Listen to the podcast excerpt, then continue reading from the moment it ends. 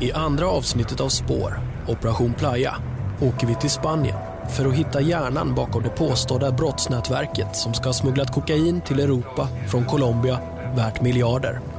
Jonas Falk. Jag menar att Jonas han, han slöt i England för att administrera försäljningen helt enkelt. Och att det såldes ut i England istället.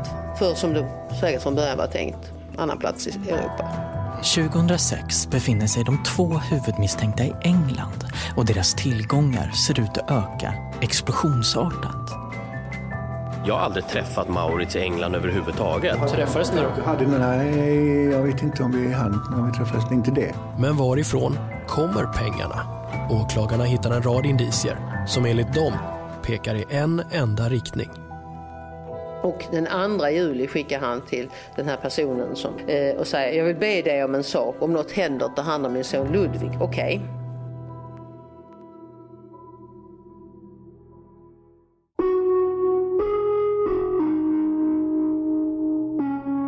Du lyssnar på Spår om Operation Playa, avsnitt 2.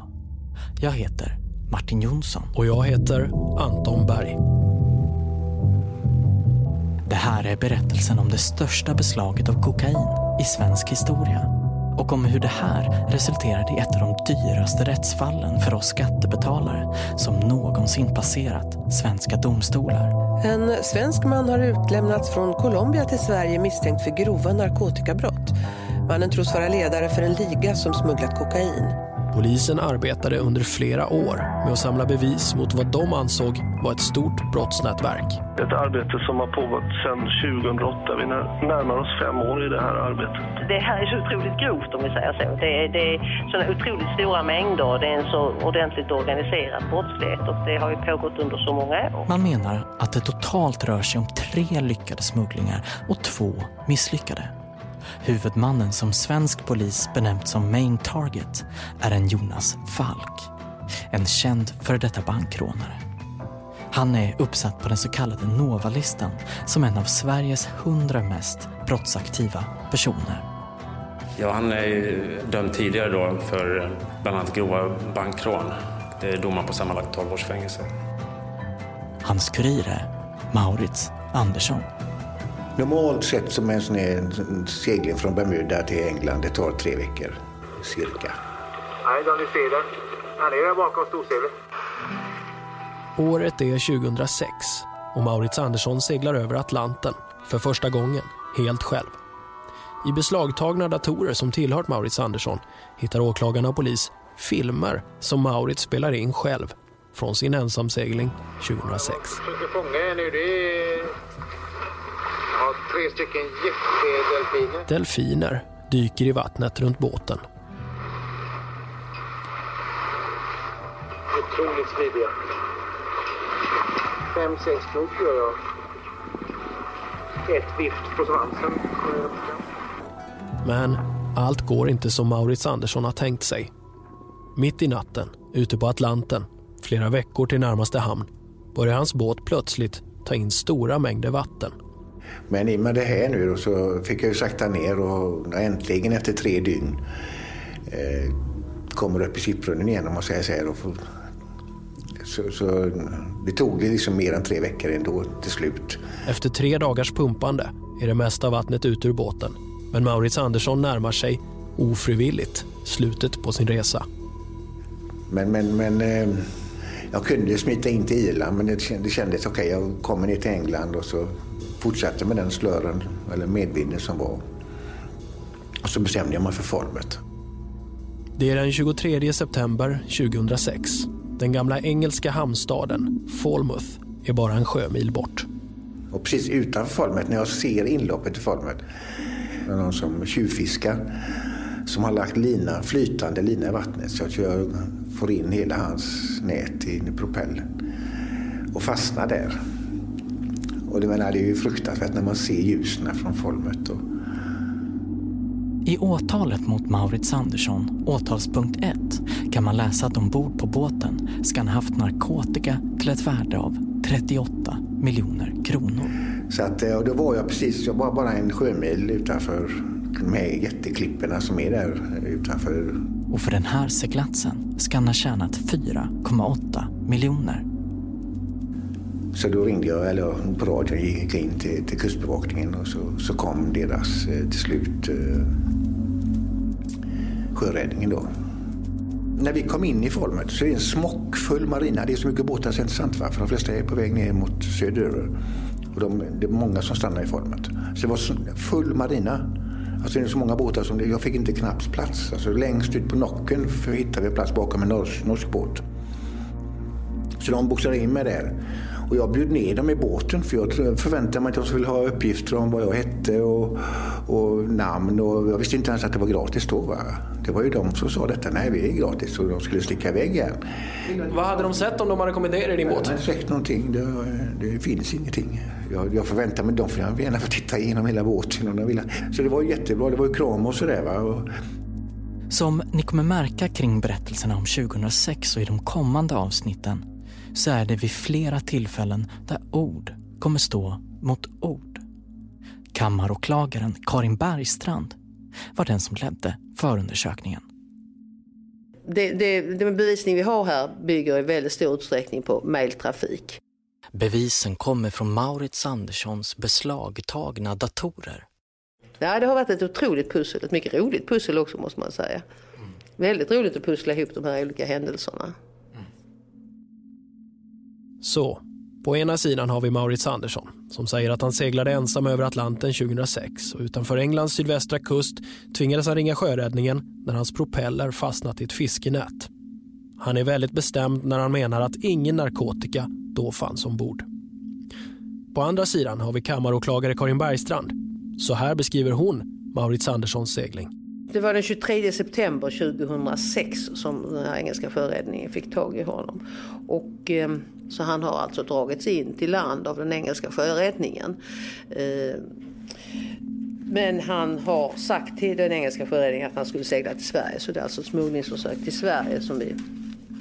Ehm, då har vi fått hålla förhör med personer i Falmouth, de som har hjälpt till att boxera och då har vi fått klart för oss att Maurits ville inte egentligen boxeras in till land utan han ville bara hjälpa att få rodret fritt. Den här sjöräddningen som kom ut. Men och du, om man skulle smuggla kokain då, ringer man verkligen sjöräddningen då? Ja, alltså vi uppfattade, vi har ju hållit förhör med personer från sjöräddningen och det var en farlig situation. Det, det gällde förmodligen för honom att rädda livet. Han kunde inte komma vidare. Så att han hade nog ingenting att välja på. Men han, de, de har ju med sagt att han ville inte egentligen dras in till land utan han ville ju segla vidare. Han vill bara hjälp att komma loss. Han skulle inte gå in till land i England utan han skulle vidare. Så han var tvungen att få hjälp. Ni som lyssnar kanske nu ställer er en fråga. Vem är så dum att han filmar sin båt under pågående smuggling? Varför skulle man ens filma sin båt om man smugglade kokain? Ja, det som, som Marit själv har uttryckt sig när han grep 2010 så fick han ju då, så, då var, mm, partiet var så stort, det var ju nästan 1,4 ton. Han sa att det var så mycket, han fick så mycket så att han skulle inte ens kunna gömma undan det. Och det tyder ju på att han Avsikt hade varit att stoppa undan det i alla möjliga utrymmen i båten. Det finns ju väldigt många små utrymmen i båtar, som en segelbåt som man kan stoppa undan i. Så att, att det inte syntes när han filmade, det tycker inte jag är så anmärkningsvärt. Han hade naturligtvis stoppat undan det i alla tänkbara håligheter. Under förundersökningen så granskas Jonas Falks och Maurits Anderssons ekonomi minutiöst. Och man kan se att båda två, månaderna efter Atlantseglingen 2006, får tillgång till väldigt mycket mer pengar. Och det exploderar fullständigt deras ekonomi. Och de här 38 miljonerna som vi säger att kokain till ett värde av 38 miljoner det bygger ju på den ekonomiska utredningen om deras sammanlagda tillgångar som de har fått efter den här händelsen. Dessa olika uppfattningar om vad som egentligen skett, det kommer bli ett problem sen under de kommande rättegångarna. För vad var det egentligen för bevis som presenterades. Hela åtalet som ni håller på här att försaluföra till tingsrätten är ju de facto på det sättet att ni snurrar upp det runt ett nav kring tillgångar till pengar. Annars är ni totalt utan bevisning. Sen att ni sitter så att säga med brallorna neddragna därför att ni inte har någonting annat, det är ju en, det är ju en annan femma. Ja, värderingarna kanske vi kan eh, spara. Ja. Vi får väl se vem som har byxorna neddragna till slut. Åklagaren kan bevisa att de har pengar. Men frågan blir, är det narkotika Maurits Andersson tjänat sina pengar på? I förra programmet säger Karin Bergstrand att Maurits Andersson syftar till kokain när han säger att han har båten fylld med grejer. Men så finns ett samtal till den 23 mars 2010 när han sitter och berättar för sina vänner. Så uttrycker han också hade jag hela båten full av grejer. Och i, det är ju så att man brukar, när man pratar om grejer så är det ofta eller narkotika man talar om. Maurits Andersson har sin egen förklaring till vad grejer är. Pengar. Samtidigt har du då sagt att båten var full med grejer. Nej men det var mina pengar. Det var det jag pratat om överhuvudtaget hela tiden. Mm. Okay. Jag kom över första gången, det hade kontanter. Det var 400-500 dollar, 400-500 000 dollar alltså. Pengar som Maurits Andersson tjänat på renovering av orkanskadade båtar som han köpte och sålde via hemsidor. Och så människosmuggling. Alla andra de smugglar ju med snabba båtar mellan Freeport och, och West Palm Beach. Det är den kortaste sträckan mellan sundet så att säga i Golfströmmen. Men jag tänkte nej, jag gör inte det. För det första så hade, tog jag dem i en segelbåt. Det är ju inte så att det går i 30-50 knop utan det går i 4-5 knop. Och sen tog jag dem längre norröver och då hamnade jag i Fort Pierce. Staden som USA glömde om man säger så. För spår så väljer Maurits Andersson att för första gången gå in i detalj på hur människosmugglingen gick till. Jag gick aldrig in i Bahamas om man säger så. Jag låg för ankar. Och så kom de ut med en båt och så lastade de över och så seglade jag igen. Så att jag registrerade mig aldrig. Maurits Andersson menar att oftast smugglade han haitier till USA via Bahamas. Ofta låg Maurits Andersson med sin segelbåt för ankar utanför hamnen för att slippa klarera sig och hamna i officiella papper hos hamnkaptenen. Som till exempel vid ett tillfälle utanför Bahamas. Några haitier blev skjutsade ut till hans båt och där klev de ombord. Och så påbörjades seglatsen norröver mot Fort Pierce i Florida, USA. På Spårs hemsida så hittar ni kartor och tidslinjer så ni lättare hänger med i Operation Playa. Och lyssnar ni via Acast-appen så får ni bilder direkt i er mobil. Maurits Andersson lyckades hålla sin verksamhet både lukrativ. Han fick mellan 3 och 5 000 dollar för varje passagerare, menar han. Och så, än mer viktigt, han kunde hålla sin verksamhet hemlig. Så för haitierna som han fraktade var han ingen Maurits Andersson och segelbåten var ingen segelbåt. Min kompis eh, på Bahamas han, han var med vid en leverans. Då skulle han prata med de här haitierna, med unga tjejerna och killarna. Och då började han med att... Så stod han mitt in i salongen då, i båten. Och så pratade man med flyktingarna. Och så säger han att peka, pekar han båten. Det här är ingen segelbåt utan det här är en bahamisk eh, lobstertrålare. Alltså hummertrålare. Och de är oftast färgglada, du vet med ljusblå, röda, blåa och så vidare. Och han, så han pekar mot mig, han är en två meter lång svart person. Som heter för Captain Fred. För det var ju det att de skulle ha en historia som de skulle använda när de kom till USA då. Att, nej, det var ingen segelbåt utan det var en fiskebåt. Och det var en svart kille, han var stor och han hette Kapten Fred.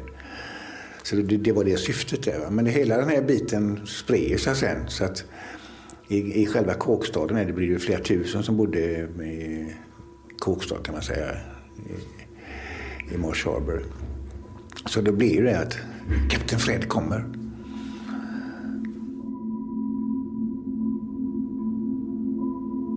Hur många människor rörde det sig om? Jag ska säga detta. Jag vet inte. Ja, det, det vet jag inte. Många gånger har hänt. Jag tjänar en hel del, en hel del pengar. Säg att det har blivit 500 personer. Och då räknar vi inte in kubanerna. Jag har smugglat kubaner en gång. Och de betalade 10 000 per man. 10 personer smugglade då. Kronor eller dollar? Ja, då snackar vi alltid dollar. Så jag hade 90 000 dollar för att smuggla i fyra dagar. 10 kubaner till USA. Så det är en halv miljon. Både tingsrätt och hovrätt konstaterar i sin dom att Jonas Falk och Maurits Andersson tjänat sina pengar på olaglig verksamhet. Men hur ska man då egentligen se på bevisningen mot de påstådda kokainsmugglingarna 2006, 2007 och 2008? För de försvarsadvokater som jobbade med fallet så är svaret uppenbart. Bevisningen var ju minst sagt skral. Eh, ja, alltså man, man påstod ju inte, man sa ju i åtalet, i gärningsbeskrivningen står det okänd mängd narkotika, okänd, alltså man preciserar inte ens att det var kokain, eh, på okänd plats tillsammans med okända personer. Det var så otroligt många okända faktorer så att säga redan i, i gärningspåståendet. Det här är Tobias Enoksson, en av Jonas Falks två försvarsadvokater. Och det där finns det en ganska rolig skrivning om i tingsrättens dom om jag inte minns fel och jag kanske parafraserar lite grann, men man kallade det för en bevismässig utmaning. Man, man, sa, man kunde liksom titta på, man tyckte man kunde se en ökning i liksom förmögenhetsmassa eller att man fick tillgång till pengar, att Marit Andersson fick tillgång till pengar och han hade seglat en båt över Atlanten. Det var liksom i stora drag hur det såg ut. Och, och, och då hade man alltså gjort en, eh, en kokaintransport eller en narkotikatransport. Men hur, hur knöts Jonas till det då? Det är en himla bra fråga alltså. Um... Have catch yourself eating the same flavorless dinner three days in a row? Dreaming of something better? Well, hello fresh is your guilt free dream come true baby. It's me, Gigi Palmer.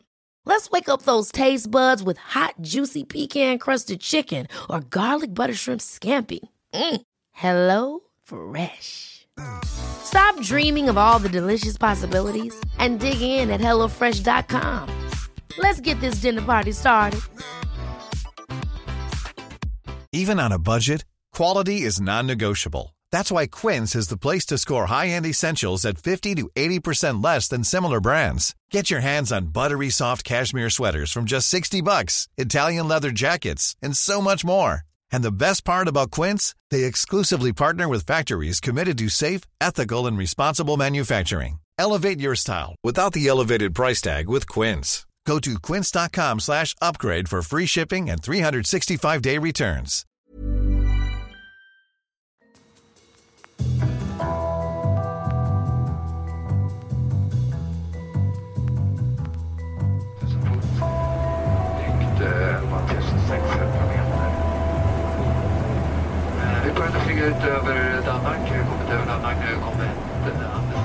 Jonas Falk.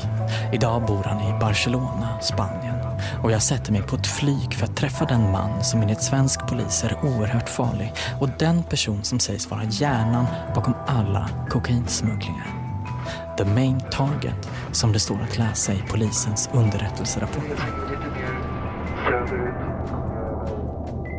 Medan min kollega Martin flyger till Spanien för att träffa Jonas Falk så ska vi titta närmare på det som händer efter att Maurits Andersson kommit fram till Falmouth, England 2006.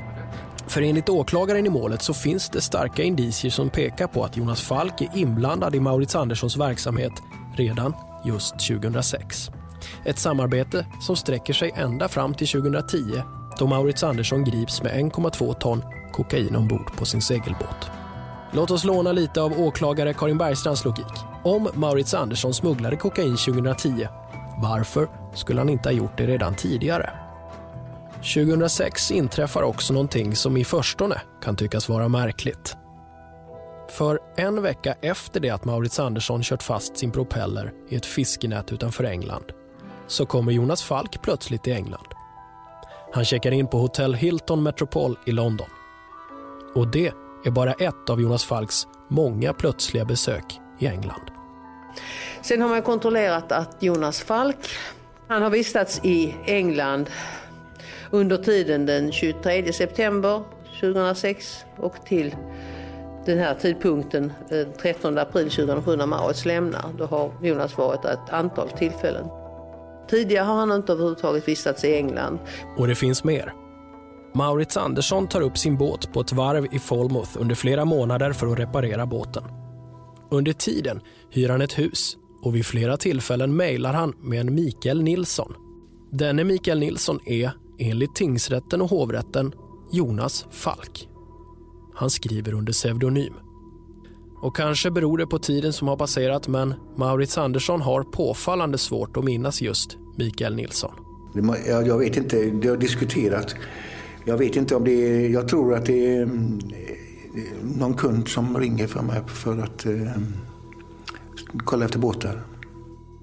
Han har ingenting med mig och mina affärer att göra överhuvudtaget. Och eh, Mikael, jag vet inte, jag, jag, jag tror det är någon det är, jag vet inte riktigt vem det är, för jag har flera Mikael och jag kan inte... Det, det här är ingen person som jag känner sig jätteväl. Alltså, både tingsrätt och hovrätt menar ju att den här Mikael Nilsson då, eh, det är Jonas Falk och att han har lånat ut pengar till dig för att köpa båten Gloria. Nej, nej, nej, nej, nej. jag har inte, inte ett rätt överhuvudtaget. Jo, men det var inte bara Mikael, det var, eller, det var många andra namn som också var, alltid var Jonas. Jonas är Jonas. Och vad Jonas gör och han, vad, vad, han håller på med eller inte håller på med i Spanien eller, liksom, eller i London, hundra mil därifrån. Alltså, ja, ja, det, det... För kammaråklagare Karin Bergstrand är kopplingen och rollfördelningen mellan Jonas Falk och Maurits Andersson kristallklar. jag menar ju att han skötte den transporten på uppdrag av Jonas. Eh, jag menar att Jonas han, anslöt i England för att administrera försäljningen helt enkelt. Och att det såldes ut i England istället. För som det säkert från början var tänkt, annan plats i Europa. Minutes left this flight and the cabin crew come to the cabin and prepare, prepare for landing.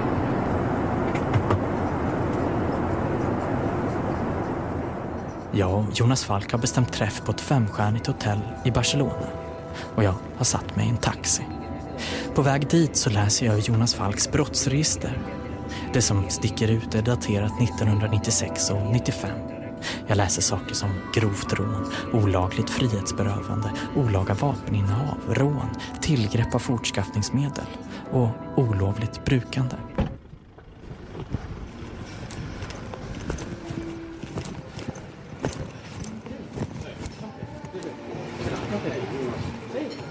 Jonas Falk är välklädd i en tajt skjorta och lätt brunbränd av solen.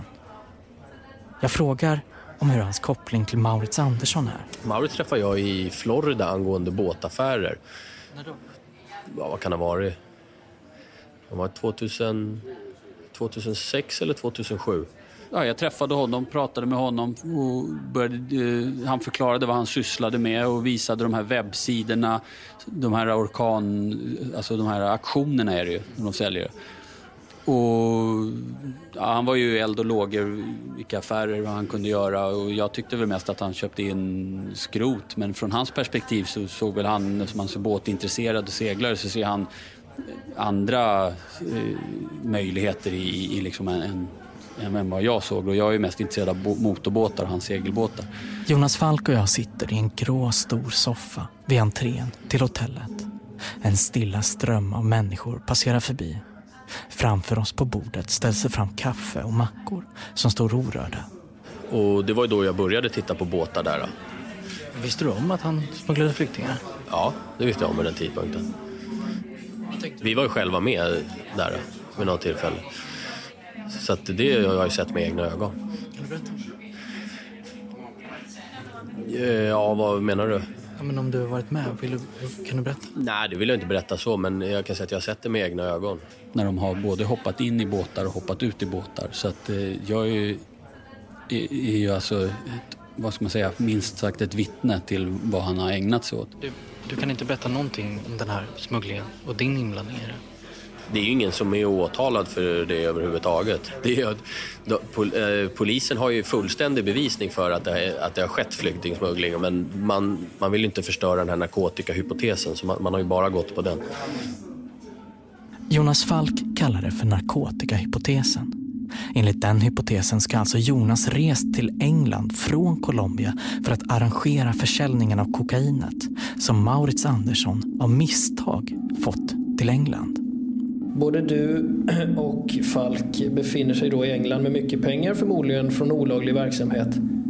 Ja, det är fascinerande. Ja. ja, det är väldigt fascinerande. Jag är i Falmouth och han har tydligen varit i London eller någonting sånt där. Det är den där jag vet. Var jag väl där någon gång två dagar, någon gång där tre dagar, någon gång nio dagar. Det man har fokuserat sig på det är att man ser det som att vi har varit i samma land eh, samma höst i stort sett. Men man har inte tittat på det realistiskt och tänkt om han då skulle ha kommit med en båt till Folmot med jättestora mängder kokain. Va, vad menar man då? Skulle jag då helt plötsligt ha flygit till England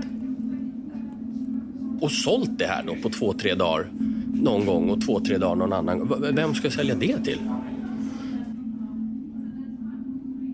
Jag har, Träffades ni då? Jag hade, nej, jag vet inte om vi hann, om vi träffades, inte det.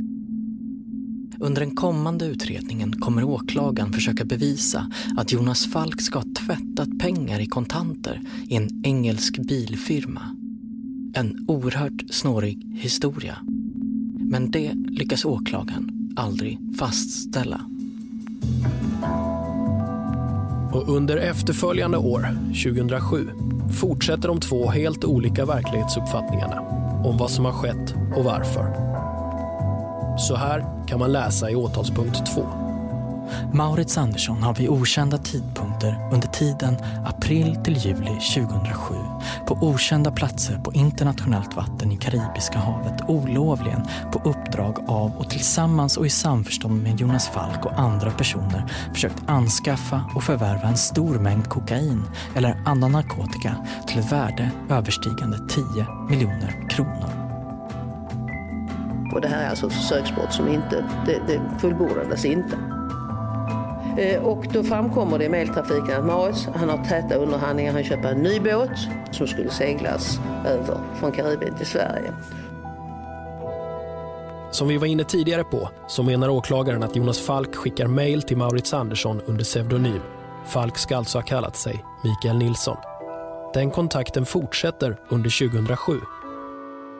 I början av 2007 den 13 januari mejlar Maurits Andersson till Mikael Nilsson om ett lån som ska betalas tillbaka inom tre månader för att köpa en båt som senare kommer döpas till Gloria. Det är samma båt som ligger i Göteborg som är aktuell under åtalspunkt nummer eh, tre.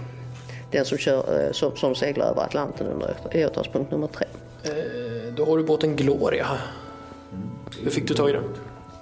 Det är min drömbåt. En Beneteau 50 fot. Och det, är liksom, det, det är ultimata egentligen. Alltså det är mycket plats, mycket utrymme. Det, det har kök och, och ja, hytter för dubbelhytter med toalett för alla. Och, ja, det är bättre än hemma om man säger så. Utredningsmässigt. Alltså. Jag åkte och köpte den. Jag var där med min syster först och tittade på den. Och sen köpte den när jag fått, fått ihop pengarna. Den 27 mars 2007 skriver Maurits Andersson till Mikael Nilsson. I mejlet förmedlas ett antal koordinater. Där ska, enligt åklagaren, leveransen ske. Det bara ett enda, det enda innehållet han säger. Behöver veta ostligaste latt, streck lång och datum. Alltså han behöver position och han behöver datum. Det är leveransplats och tid menar vi för det förväntade narkotikapartiet. Men vad säger då Jonas Falk. Ja, Mikael Nilsson är garanterad, eller jag är rätt säker på att det är en gemensam bekant till oss som har träffat oss nere i Miami också som inte är involverad i någon narkotikasmuggling men som har haft intresse på grund av flyktingsmuggling att få pengar till Europa. Jag har ju varit här nere i Spanien, jag har inte haft tillfälle att fråga den här personen, jag har inte ens kontakt med den här personen längre men jag är rätt övertygad om att jag vet vem den personen är. Men sen finns det ett mejl den 15 maj till en person i Sverige skriver Maurits till att det kan ske inom tio dagar enligt Jonas. Och här nämns alltså namnet Jonas. Och säger han avvaktar besked inom en till två dagar, håll tummarna. Och då påstår vi naturligtvis att Jonas är Jonas Falk. Jag seglar den fjärde. Jag tror det blir en vinst på cirka 10 miljoner. Det bör ju räcka ett tag eller. Han ska alltså fått besked om att seglatsen ska ske och att han ska tjäna 10 miljoner på det. Och den 2 juli skickar han till den här personen som, som han har haft kontakt med som privatperson i Sverige eh, och säger jag vill be dig om en sak. Om något händer, ta hand om min son Ludvig. Okej. Okay. Det tolkar vi som att han antingen kan han råka ut för en olycka vid Atlantseglingen eller så kan han gripas för narkotikatransport. Om någonting händer så ber jag dig ta hand om min son Ludvig. Okej, okay? kontakten i USA heter Tim. Han har hand om Jeanette och Sandals 37. Han vet inte allt. Tim på Bahamas vet det mesta men inte allt. Dels hade jag ju pengar och tillgångar i båtar. Både på Bahamas, i USA och så vidare. Men du skriver han vet inte allt. Tim på Bahamas vet det mesta men inte allt. Vad är det? Flyktingsmuggling. Det är i slutet av juli 2007. och fem dagar går efter det att Maurits ber en vän i Sverige ta hand om hans son om något skulle hända. Men seglingen blir aldrig av. Jag säger, allt har blivit uppskjutet till nästa år. Det enda som är bra med det hela är att jag inte behövt ta några risker. Vad är det som händer då? Det, alltså, det, det, det, stora hela, vad som hände 2007, det är att jag vill segla hem min båt. Jag har tjänat bra pengar under den här tiden. Igen, för 2006. Jag tjänar ännu mera sen på 2007 och så vidare. Det är flera miljoner alltså. Och sen flyger Marit Andersson med bokad biljett den 4 augusti från Florida till Göteborg. Så då avbryts försöksbrottet. Vi vet inte varför det inte blev av. I nästa avsnitt av Spår. Det är farliga saker som har gett mig in som jag inte hade begrepp om. Som man inte visste innan. Några hundra miljarder dollar, det sätter man sig inte emot om man säger så. Va? 2008 seglar Maurits Andersson för andra gången över Atlanten. Enligt åklagaren ska han ha båten fylld med kokain. Men personen som ska ha levererat kokainet förnekar bestämt. Det är så att han åkte runt och, och agerade någon kiosk där ute på havet och lämnade ifrån sig lite pö om pö till folk som bara stod och guppade där. Liksom. Trots det säger polisen att de hittar nio kilo ombord på båten Maurits Andersson seglade över. Två år senare. Göran Wall ringde mig på kvällen när han hade kommit ner och börjat rota i båten och ringde glädjestrålande och berättade att han hade hittat, de hade hittat det här partiet kokain. Samtidigt tjänar Jonas Falk väldigt mycket pengar. Pengar som han enligt åklagaren ska ha tvättat genom sin moster, Harriet Broman. De har fått för sig att Jonas är smugglar narkotika men de har inte hittat några pengar i anslutning till Jonas och där är de ju ute efter pengar för har de inga pengar så blir det svårt. Det var väl det som var problematiken för dem. Det fanns ju inga penningströmmar överhuvudtaget mellan Jonas och mig. På Spårs hemsida hittar ni mer information. www.sparpodcast.com Här kan man se bilder på personer, platser som är viktiga i historien, de är utmärkta på en karta. Kort sagt, det här är en hemsida som gör att det är enklare att hänga med i Operation Playa. Här kan ni också kontakta oss som gör programmet om ni vill fråga eller tipsa oss. Vi finns också på sociala medier under hashtaggen Operation Playa. Och innan vi avslutar, här har ni senaste nytt från turerna kring Kaj Linna. I Spårs första säsong så handlar det om mordet i Kalamark 2004 och alla märkligheter i det fallet. Kaj Linna är dömd för mordet och han har suttit snart 13 år i fängelse men menar alltjämt att han är oskyldig. Delar av Spårs granskning av fallet används nu som bevisning i den resningsansökan som Högsta domstolen just nu bereder. Och så sent som i onsdags den 16 mars gav Högsta domstolen i uppdrag åt riksåklagaren att på nytt sätta sig in i fallet för att yttra sig. Vi hör journalisten Stefan Lisinski om vad det här innebär. Det innebär att åklagaren eller riksåklagaren nu ska gå igenom de bevis som advokaten har lagt fram som talar för då att Kaj kan vara oskyldig och sen ska riksåklagaren kommentera det. Man kan väl möjligtvis tänka sig att riksåklagaren också vill eventuellt eh, komplettera utredningen med ytterligare åtgärder och sådär. Men det vet vi ju inte än. Men eh, eftersom det är ganska mycket material så tror jag väl att det kommer att ta några månader innan RÅ har gått igenom det här. Ska man kalla det en liten seger för Kaj sidan en liten seger är väl eh, kanske att ta i då, men ett litet steg kan man väl säga. Eh, seger är det väl inte för Kaj förrän han får rätt hela vägen då och blir friad så att säga. Men, men eh, det hade ju kunnat bli så att de sa omedelbart nej till alltihop och eh, eh, ja, avslog resningsansökan redan nu då. Men så, så har det ju inte blivit. Så att, han är kvar på banan kan man säga. Hur ska man se det här? Har det här hänt i de tidigare resningsansökningarna också? Ja, två, två gånger har det hänt då att, att eh, riksåklagaren har yttrat sig och då har ju då riksåklagaren ansett att det inte funnits något skäl att bevilja resning. Mm. Uh, så att uh, så att så har det varit för uh, i två fall tidigare som då till slut ledde till att han fick avslag. Så att det finns ingen eh, automatik i att det här kommer att betyda att han, att han beviljas resning. Spår följer naturligtvis händelseutvecklingen kring Kaj Linnas resningsansökan. Spår görs av produktionsbolagen Ljudbang och A1 i samarbete med Acast. Ljudtekniker är Johanna Printz, researcher Elisa Domoulin. exekutiv producent Carl Rosander, projektledare Vian Jalal. Musiken gjordes av Underton och Miguel Sida.